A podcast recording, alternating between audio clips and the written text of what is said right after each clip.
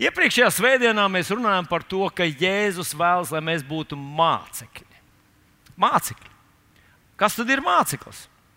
Māceklis ir cilvēks, kurš mainās.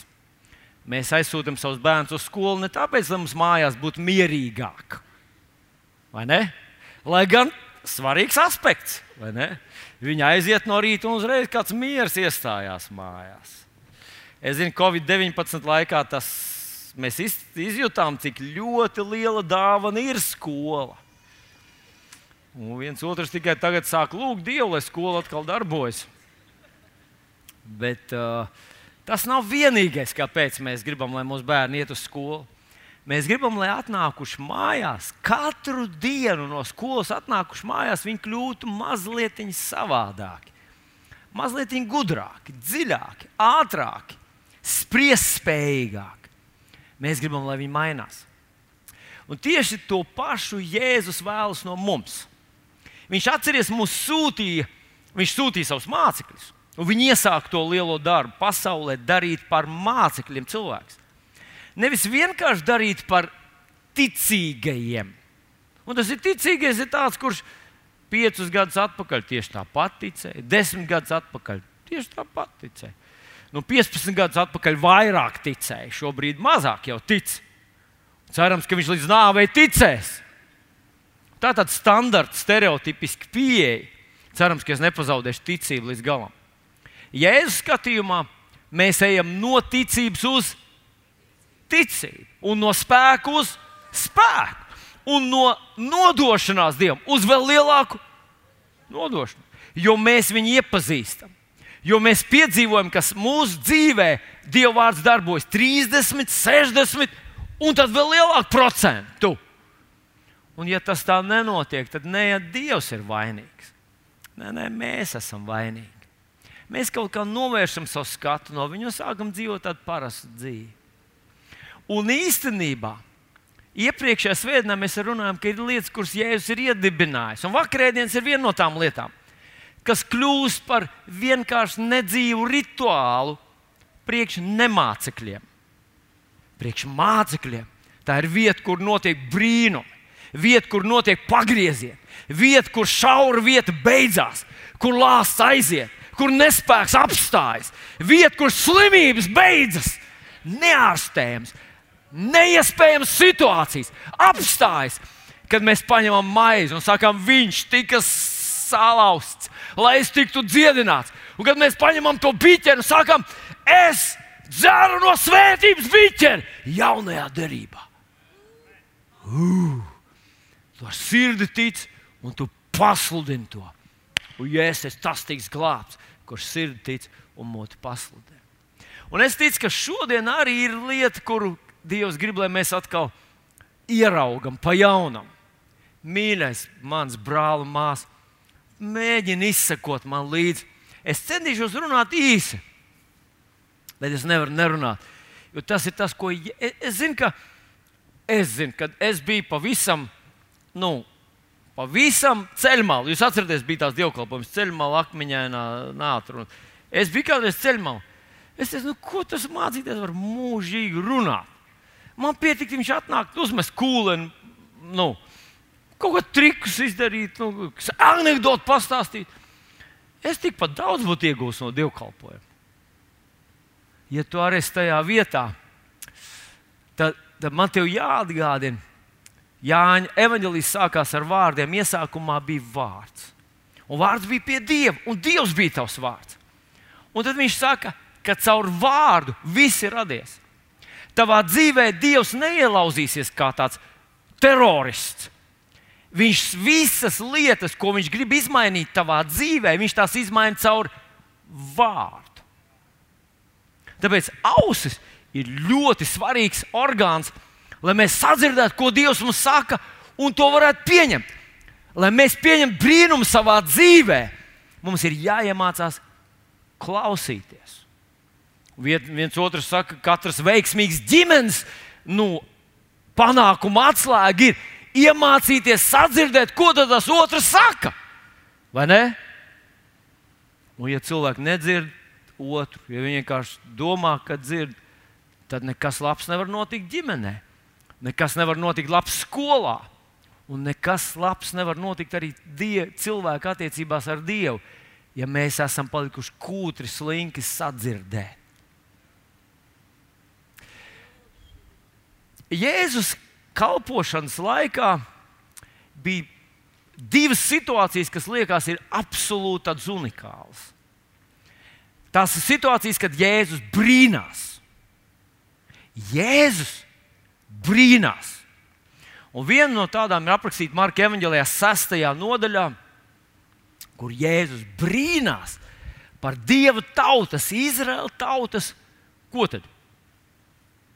Kultūru, tautas dziesmām, par viņu bārdām, par, par ēdienu gatavošanu, par viņu fizisko stāvokli. Nē, viņš brīnās par vienu no pašām svarīgākām cilvēka dzīvē, ticīga cilvēka dzīvē, vienu no svarīgākām kvalitātēm. Ļauj man pa, vēlreiz pateikt to. Ir svarīgi, ko tu zini. To var lasīt daudz grāmatas. Tas, tas ir svarīgi. Bet es tev pateikšu noslēpumu, ka tas neizmainīs tavu dzīvi. Tu vari būt ļoti veselīgs nu, savā tajā. Tu saproti, kā jāēd, tev jāēd salāti un, un, un, un, un, un, un skābenes un, un, un vēl visādas. Es nezinu, vai es drīkstu tik tālu aiziet. Nē, es neiešu tik tālu. Jā, ar vienmēr sakot, bet tici man, tu nenodzīvosi ilgāk, kā tajā grāmatā ir uzrakstīts. Un nekas īpašs tavā dzīvē nemainīsies. Jā, to neteikšu. Jā. Piedodiet. Vienkārši dzirdēju vienu, vienu jā, viss apstāšos tajā vietā. Bet ir lieta, kas var ietekmēt tavu dzīvi, dienu pārvērst par nakti. Un, nē, nē, otrādi - nakti pārvērst par dienu. Tā ir ticība. Un ticība atnāks tikai tad, ja tu pavadīsi laiku Dieva vārdā. Un tu viņu pieņemsi, tu ar viņu dzīvos, tu ar viņu staigās, tu par viņu domās. Tas attīstīs tavā dzīvē ticības. Un Jēzus brīnās par ticīgu cilvēku neticību. Jūs saprotat, nu, kādā vietiņā Jēzus teica, nepievilieties. Ticīgs cilvēks, kurš īstenībā ir neticīgs, ir sevi tā piemānījis, ka vēlams neizdarīt labāk. Atcerieties, bija tāds stāsts par mūku, kas uz, uz, uz, uz, uz altāra sveces vāra olu. Un tad uh, Dievs viņam saka, nu, tas ir gaveņa laiks, un kāpēc tā dara? Un viņš saka, vēlams man to. Nu, Vēlams man uh, ie, ie, iemācīt to. Vēlams, ka es tādas lietas nebūtu iedomājies vispār.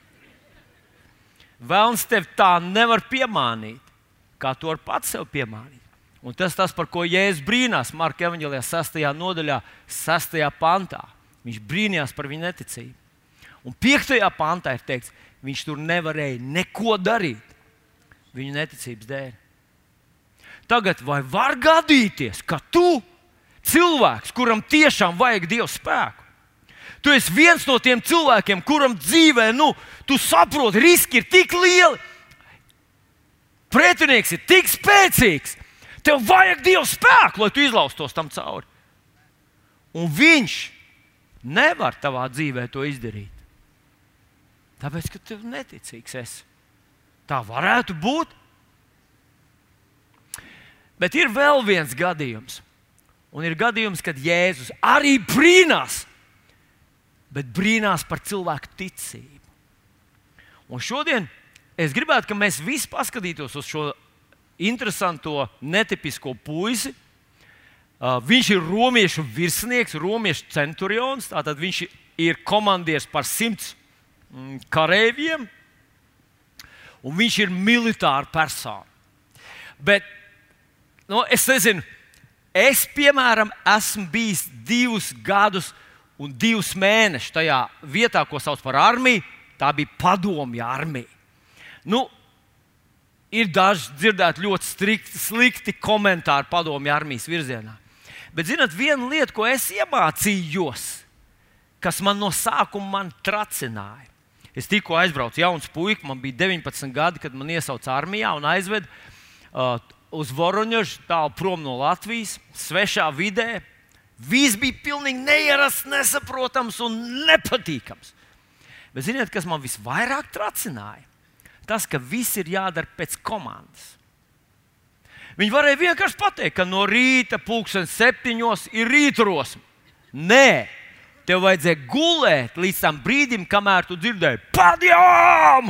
Un tad tas seržants, nu, viņš izbaudīja to savu varu. Jā, viņš tam mauroja tādā balsī. Un saprotat, es būtu piecēlies pusseptiņos, tikai bez tās bļaušanas un bez tā stresa. Man gribējās mierīgi izlīst no gultas, izstaipīties, uz, uz, uzvilkt bikses, uztīt autus. Īpaši, kad tu esi jauns karavīrs. Ziniet, kas ir auti? Nu, kad bumba izskrien no laukuma. Ja? Tad arī ir rauts. Bet es domāju, ka, nu, kad mans tēvs stāstīja, ka viņš bija armijā un ka viņš tīna autus, es domāju, nu, beidz. Nu, tas, tas ir akmens laikmets. Kad es būšu armijā, neviens nezinās, kas ir auti. Bet bija auti. Un tās bija tāda pagara lupata, kur tev vajadzēja ļoti precīzi uztīt uz kājas, jo, ja tu neustini to precīzi, atceries, es saku, ka sākās diena rītrosme, bija jāiet ārā un jāskrien. Katru rītu mēs skrējām pusotru līdz trīs km. Zābakos, kas ir no koka, un vēl autus, ja tu nu, no sākuma, kamēr tu nemāki uztīt tos autus, puišiem visiem bija noberstas kājas asiņainas. Nu, kā man nepatīk, man nepatīk tas, ka uz toleti varēja iet pēc pavēles. Vai tā ir savādāk? Varēja.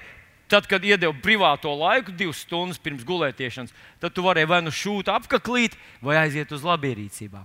Bet tā visādi citādi pieved pie pulka toaletes un teica, nu, vai jums ir desmit minūtes laika. Un tad 80 vīri sagāja iekšā, kur paskaties, visur kāds uh, strādā.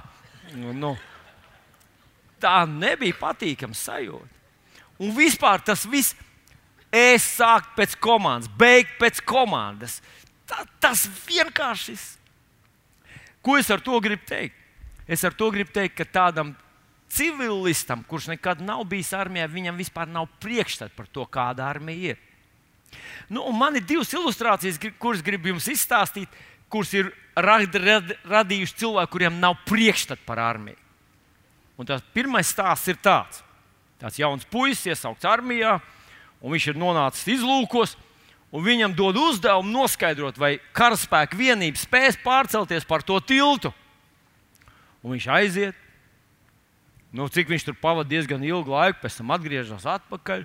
Komandieris saka, nu, vai mēs varēsim pārcelties?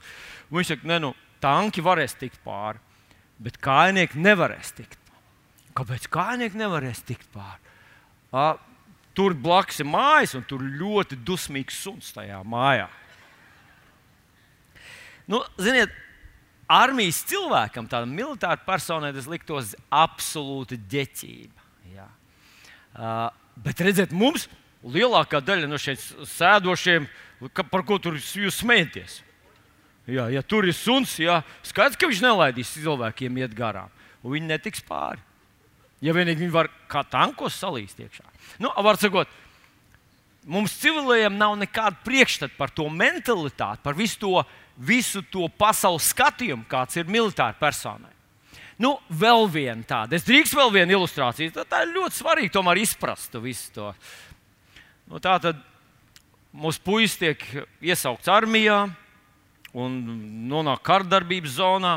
Un tagad tajā kardarbības zonā saka tā, komandieris saka tā, mums ir ļoti vājas zināšanas par to, kas notiek pretinieku pusē. Mums ļoti derētu atrast kādu no pretinieku kareiviem, kādu gūstekni dabūt.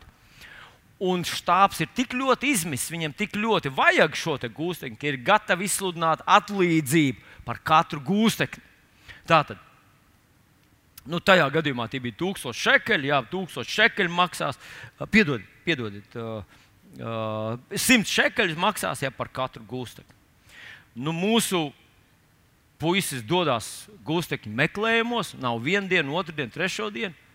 Trešajā dienā uh, apsardzes karavīrs saka, ej, nāk vesels bars ar cilvēkiem šurp, kas notiks. Un pēkšņi redz mūsu varoni, kurš ved veselu kolonu ar cilvēkiem, nu, ar gūstekņiem. Un saka, ej, komanda ir pierakstījis gūstekņus no katra, par katru grib simtu, simtu šekeļus. Un komandieris saka, apžēlojies, tik daudz tu esi atvedis, mēs izputēsim 50 par katru. Nē, neies cauri. Es jau pats viņiem katram maksāju 50. Uh, vajag 100. Nu, atkal mums liekas loģiski, vai ne? Tu uzdodies par karu gūstekni, tev vēl samaksā par to, ko tad, kad laiku padzīvo, un tad ej mājās. Bet militāra persona saprot, ka nē, nē tas, tas nav variants. Nu, tā tad Jēzus brīnījās par šī romiešu ticību, un viņš teica, patiesi tādu ticību es neesmu atradzis ne pie viena Izrēlā. Bet, ziniet, tas stāsts nenonāk uzreiz pie šī romiešu virsnieka. Viņš tāds nepiedzima, nenokrita no zila gaisa. Tas bija process, un tie bija cilvēki, kas viņam palīdzēja par tādu kļūt. Un, lai mēs redzētu šo visu to stāstu, mums jāsāk ar kādu citu stāstu Un tas ir Jāņa Evanģelijā 4. nodaļā uzrakstīts stāsts par galvenieku. Galvenieku, kurš atnāk pie Jēzus. Ja tev ir līdzi tā Bībelīte, atver lūdzu viņu vaļā Jāņa Evanģelijā 4. nodaļā, un es lasīšu no 46. panta. Jāņa 4, 46. Viņš atkal nonāca Kānā Galilejā, kur bija pārvērtis ūdeni par vīnu.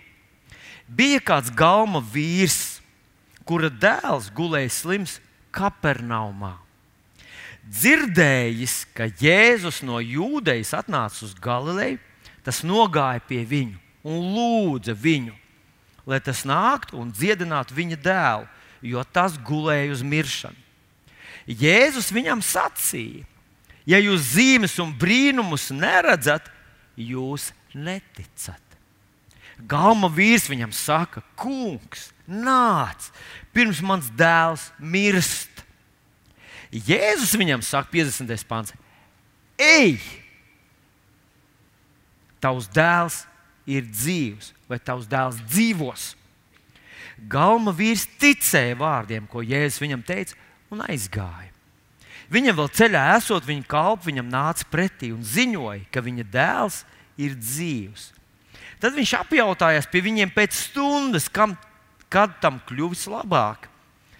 Tie viņam stāstīja vakar, ap septīto stundu, drudzis viņu atstājis. Tad tēvs saprata, ka tas bija tādā pašā stundā, kad Jēzus viņam bija teicis, tavs dēls ir dzīvs.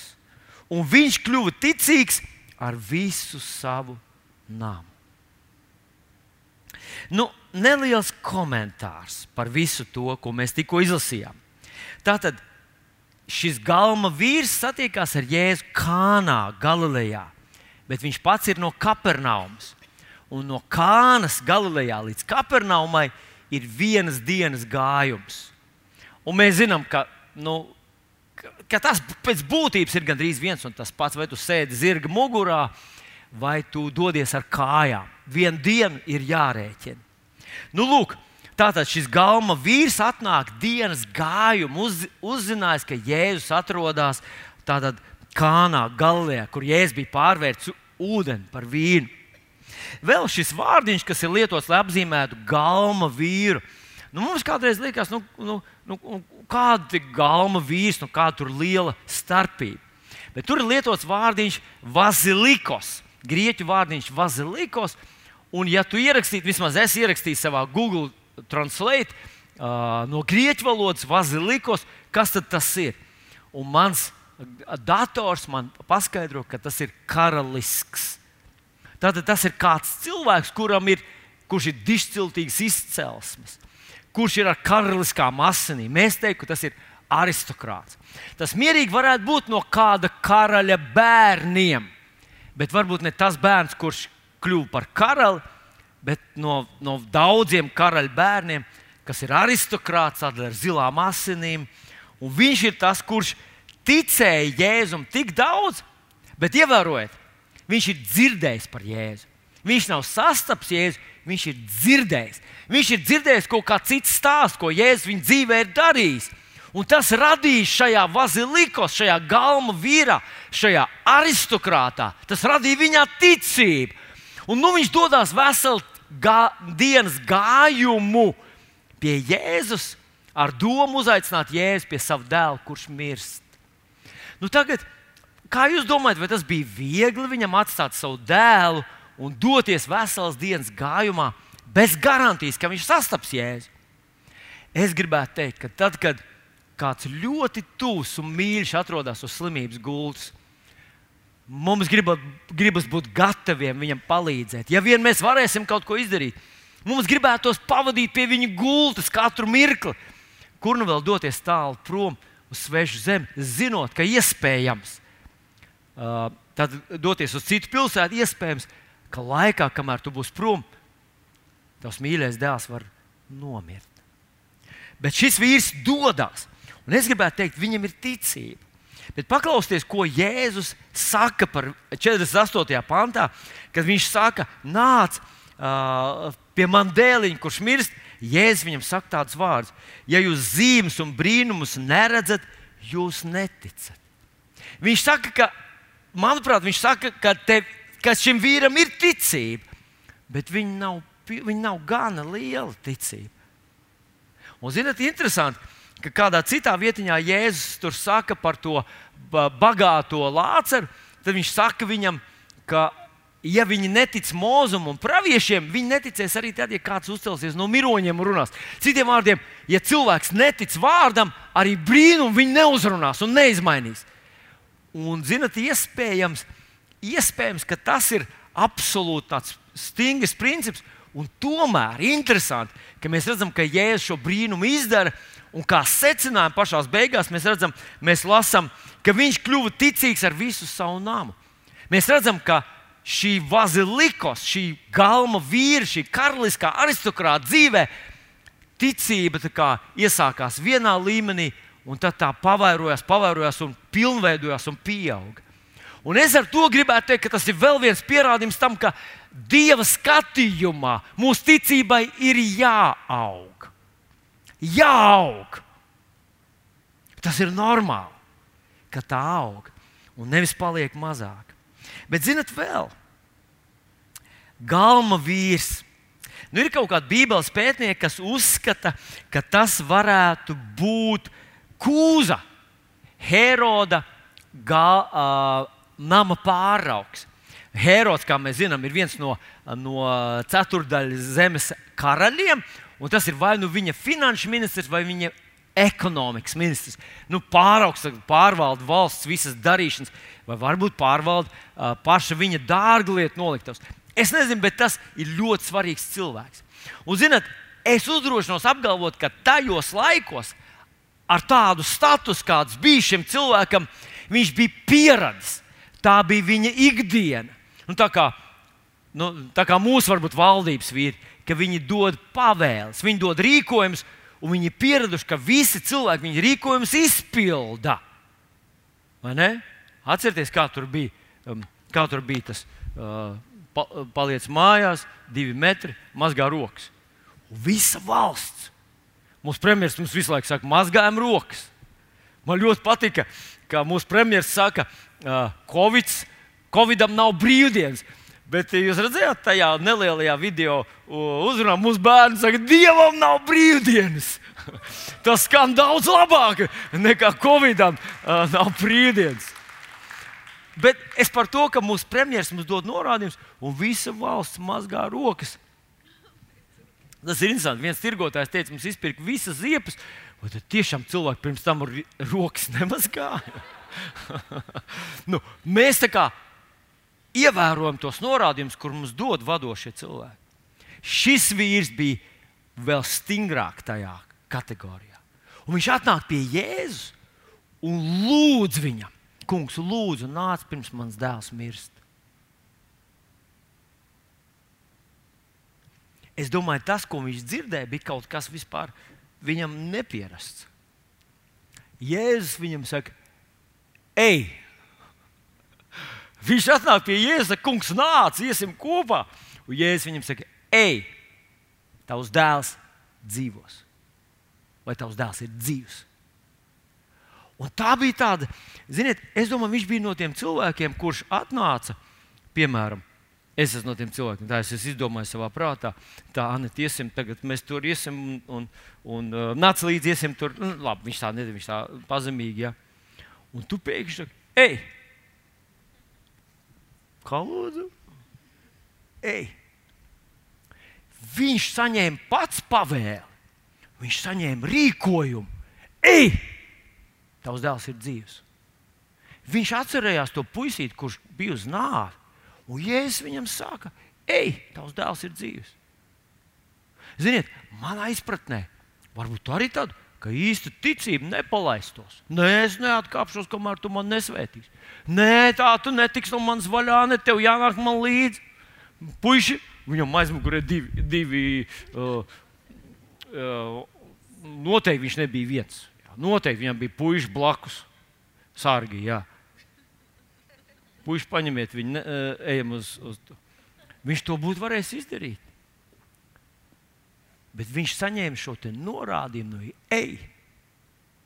Viņa ticība izpaudās tikai tajā, ka viņš mainīja savu scenāriju. Ok, mans dēls. Viņš tā teica. Meistars, mācītājs teica, ej! mans dēls ir dzīves. Tagad es iedomājos, vai tu esi kādreiz piedzīvojis to šo te dežavu sajūtu, vai sīriešu nēmans ka tu esi izplānojis, kā tas viss notiks, un notiek pavisam savādāk. Dievs tev sūta pa citu ceļu. Un tā vietā, lai tu ticībā teiktu, jā, es pieņemu tavu vārdu, tu visu laiku pārdzīvo, tev paģirs par to, ka nenotika tavs scenārijs. Vai tā ir ticība? Manuprāt, ticība ir, ja viņš tev teica, ej, tavs dēls ir dzīves, tad ticība ir pieņemt viņa vārdu un iet. Un zinot, kas ir interesanti? Es domāju, ka viņš Viņš dodas ceļā uzreiz. Viņš uzreiz dodas ceļā. Viņam vesela nakts vai vesela diena jāpa, jāpavada ceļā, lai viņš atgrieztos mājās un pārbaudītu, vai Jēzus vārdi ir patiesi. Un viņš dodas ceļā, un viņam nāk pretī viņa kalpi, un viņš satiek viņus. Viņš prasa, nu kā iet manam dēlam? Tas dēls ir dzīves. Kurā mirklī viņam palika labāk? Tā ir vienīgā reize, kur rakstīts, ka viņam palika labāk. No tā brīža viņam palika labāk. Un vienalga, ja tu lasīsi King James, tad ir ot, šis ir otrs brīnums, ko Jēzus darīja Kānā galā. Palika labāk. Arī tiek nosaukts par brīnumu. Jēzus pateica, galvenais ticēja, un tas nu piepildījās. Ha! Viņš atgriezās Kapernaumā. Viņš atgriezās Kapernaumā. Esmu pārliecināts, ka šis vīrs uh, nebeidz savu sadarbību ar Jēzu. Jo mēs zinām, iespējams, es nevaru pierādīt, bet iespējams, ka tas tiešām ir kūza, ka viņš sūtīs savu sievu. Jo viņai nebija jābūt tur uz vietas, lai Herods galmā. Un viņš atbalstīja Jēzus kalpošanu caur savu sievu, kas ceļoja kopā ar Jēzu, un ar savām finansēm atbalstīja Mēsīs darbu. Ja tu šodien satiktu kūzu, ja tas tiešām bija kūzs, tas galvenais, viņš ir debesīs, staigā pa zelta ielām, viņš ir ļoti laimīgs.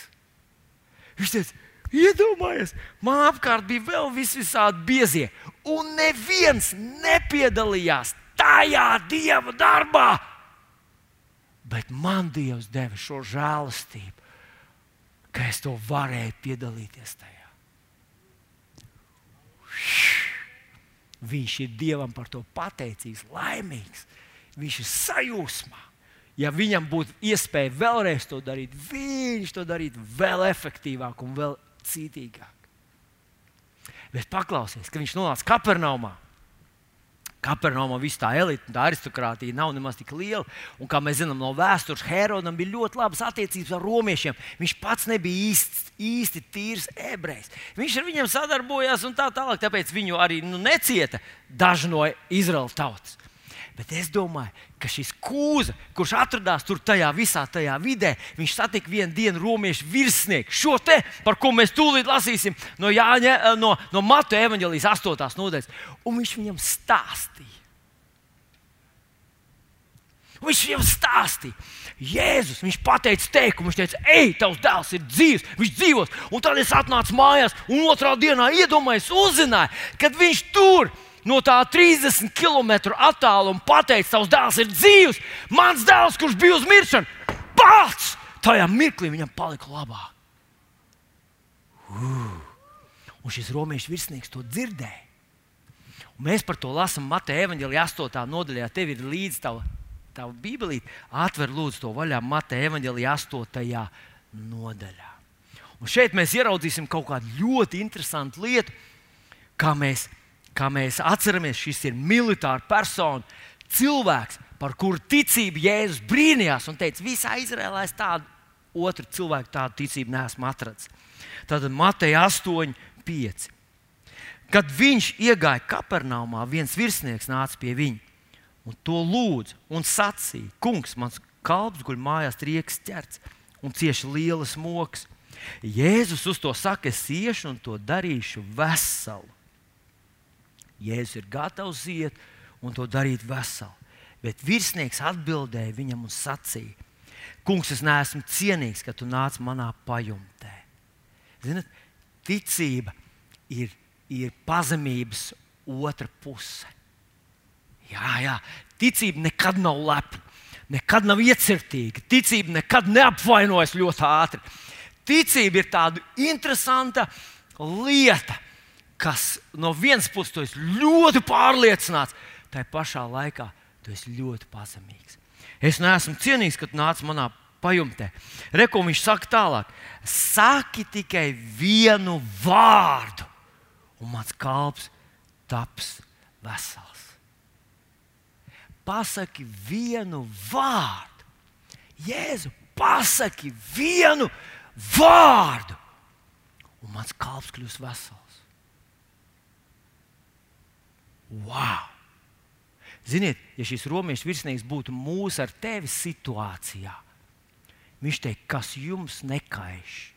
Jums nav viens vārds, jums ir nodaļas un panti, panti, panti. Jums ir doti tik daudz vārdu, kas jums kaiš, ka jūs nevarat uzticēties.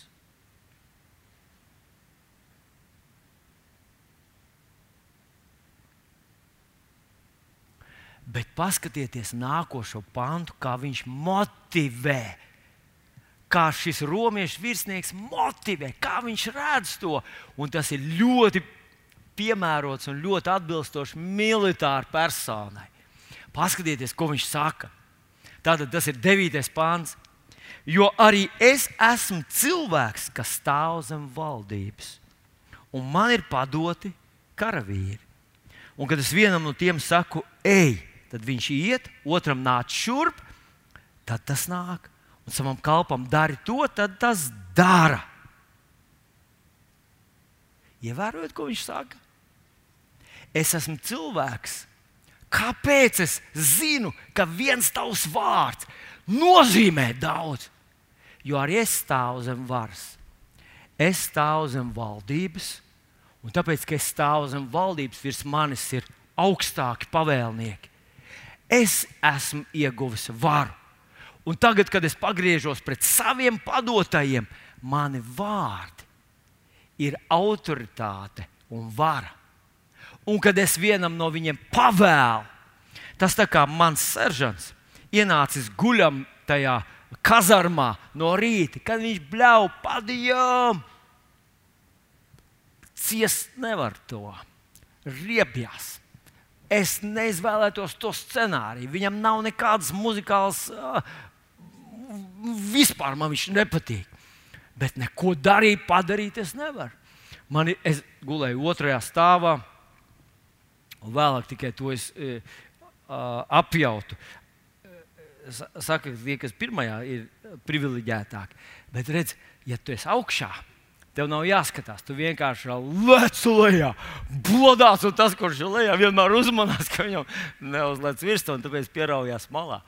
Un tu dabūji darīt to, ko tev pavēlē darīt. Un tas ir tas, ko šis romiešu virsnieks saka. Tāpēc, ka es stāvu zem autoritātes, mana autoritāte ir tik stipra.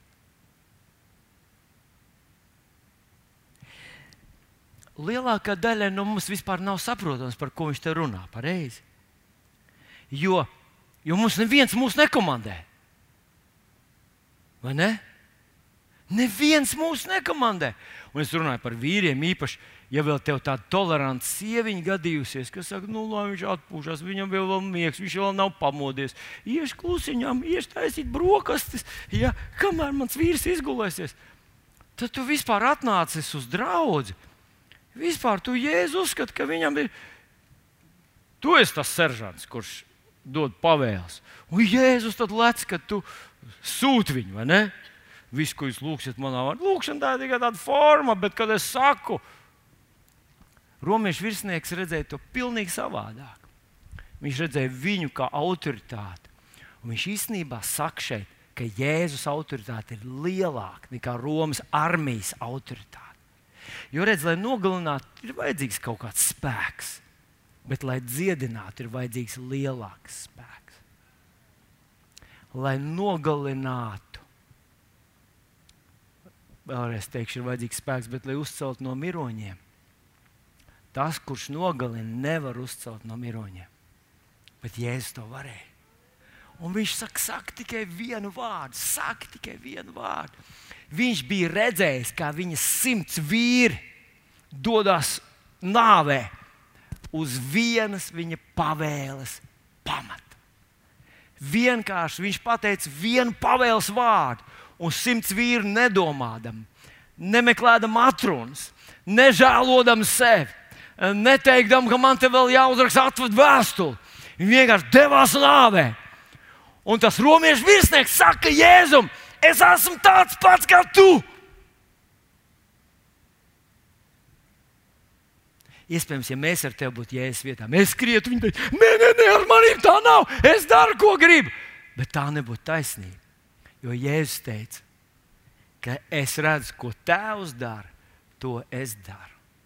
Faktiski Jēzus arī nedarīja visu, ko viņš gribēja. Un tā viena reize, kad viņi grib atšķīrās no, no tēva, viņš izlūdza asaras un sviedrus, līdz viņš bija gatavs darīt tā, kā tu gribi, tēvs, tā es gribu. Un, mīļie brāļi un māsas, Es šodien gribētu, lai mēs visi apjaustu, ka mēs ar jums visi esam militāri personas. Esam garīgas militāri personas. Arī mēs esam pagājuši zem autoritātes, zem varas. Mēs esam pieņēmuši Jēzu Kristu par savu kungu un savu glābēju. Mēs nevaram izturēties tā, it kā mēs būtu vienkārši, vienkārši civilisti. It kā mēs piedarām sev, mūsu dzīves piedarām sev. Mēs paši nospraužam savus dzīves robežas, mēs paši sarunājam sev resursus un tā tālāk. Mēs piedaram viņam, mēs esam sūtīti šeit ar uzdevumu, mēs esam viņa armijā, mēs esam apbruņoti ar viņa ieročiem. Mēs atrodamies viņa autoritātē. Un tas ir tik ārkārtīgi svarīgi, ka mēs ar jums atcerētos, ka atrodamies zem autoritātes. Un tāpēc mums ir autoritāte. Mēs atrodamies zem autoritātes, un tāpēc mums ir autoritāte. Citiem vārdiem, tu nevari jēzu mīlēt kā mazu māju dzīvnieciņu. Tu nevari viņu mīlēt kā mīļu uh, brālīti, vai kādu cilvēciņu, kas tev patīk, vai savu mazbērniņu, vai, vai ko. Jēzus ir Dievs, kungu kungs, ķēniņš, ķēniņš. Viņš ir tavs dzīves noteicējs. Pēc būtības, pēc būtības. Tā lūkšana, kur mēs sakam viņam, kungs, tu esi man par dzīvību dārgāks. Mēs taču tādu dziesmu dziedam ik pa laikam, vai ne? Vai tu izlaidi to pantu? Ja tu dziedi šo pantu, tad tev būtu jāapzinās, ka viņa rokā ir tavs liktenis un tava dzīve. Un nedomāju, vismaz es saku tādu lūkšanu ik pa laikam, kungs, ko tu gribi ar mani darīt? Re, kur es esmu? lielākā laime, lielākā laime un lielākā privilēģija atdot savu dzīvību par kungu Jēzu Kristu. Viens no uzskatiem, viens no uzskatiem, es nesaku, tas ir absolūts, Un interesanti, ka tas bija manā bērnībā, kad es dzirdēju, ka pieaugušie spriedzelē par atklāsmes grāmatu un par tiem laikiem, kas mums stāv priekšā. Tad, šad, tad varēja dzirdēt tādu stāstu, ka tie, kas tajā laikā, kad beigsies žēlastības laiks, ka tie cilvēki, kas pieņems Jēzu par savu kungu, būs spiesti šo savu ticību apliecināt asins liecinieku nāvē. Un mēs redzam, ka tur Es neatceros, kurā nodaļā tas ir, bet kur ir to dvēseles, kas ir nogalināti bēdās. Tur rakstīts, tie ir nākuši no bēdām, no lielām bēdām. Tie ir tie, kas samaksāja ar savām dzīvībām, kā asinsliecinieki. Tā tas sākās un tā tas beigsies beigās. Bet tad tie cilvēki saka, kungs, cik ilgi tu mūs neatmaksās? Un tad viņš saka, vēl pagaidiet mazliet, kamēr vēl jūsu brāļi un māsas, kas vēl tiks glābti, pieņems Jēzu par savu kungu, samaksās par savu ticību, ar savu dzīvību. Tas tā. Iespējams, ka mēs ar tevi to redzēsim. Iespējams, ka mēs ar tevi to piedzīvosim. Bet uz to mums būtu jābūt gataviem jau šodien. Mēs mīlam kungu Jēzu kā kungu, kā radītāju, kā ķēniņu, kā dievu. Viņam pieder mūsu dzīve. Viņš mūs bezgalīgi mīl. Viņš mūs sūtīja šajā pasaulē, lai mēs spīdam, lai mēs ietekmējam lietas, lai mēs ietekmējam cilvēkus. Neviens no mums šeit nav atstāts pats savā ziņā. Un labākais, ko mēs ar tevi varam darīt, reizē stiprākais, ko mēs varam darīt, padoties viņa autoritātei, lai mūsu vārdi mūsu rīcība, mūsu ticība iegūt spēku un autoritāti. Apostols Pāvils vēstulē Eveziešiem pirmajā nodaļā runā par tādām lietām, kādu cerību dod viņa aicinājums, kādu godības bagātību viņš savējiem liek iemantot, un cik pārlieku liels ir viņa spēka mērs, ar kādu viņš parādās pie mums, ticīgajiem bet viņš nobeidz ar to, ka Jēzus ir augstāks par ikvienu valdību, varu, spēku, kundzību un ikvienu vārdu, kas tiek minēts vai nu šī laikā, vai nākamajā. Jēzus ir visaugstākais. Un zini, ko? Kad tu esi pieņemts Jēzu par savu kungu, tu esi pagājis zem visuma vislielākās autoritātes. Visum vislielākā autoritāte ir tavs kungs. Visum vislielākais vārds ir tavs kungs. Visum vislielākā, vislielākais spēks ir tavs kungs. Un katrs viņa vārds, katrs viņa vārds nav vienkārši vārds.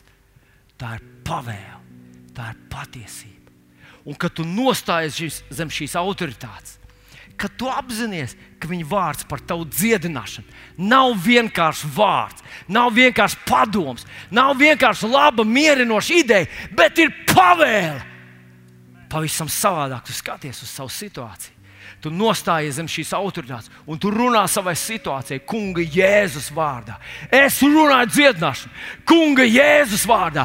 Es runāju brīvību, Kunga Jēzus vārdā. Es runāju svētību savam namam, Kunga Jēzus vārdā. Es runāju apsardzību, Kunga Jēzus vārdā. Dieva gars uzrunā manu namu, Kunga Jēzus vārdā. Es šajā pasaulē nesu īpašu misiju.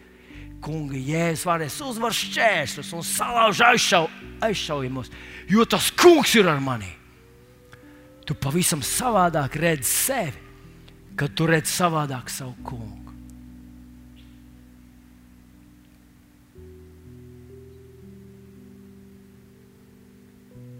Vai tu vari teikt, es arī esmu cilvēks, kas stāv zem valdības? Vai tu vari tā teikt? Tā labākā vieta, kur atrasties. Aleluja!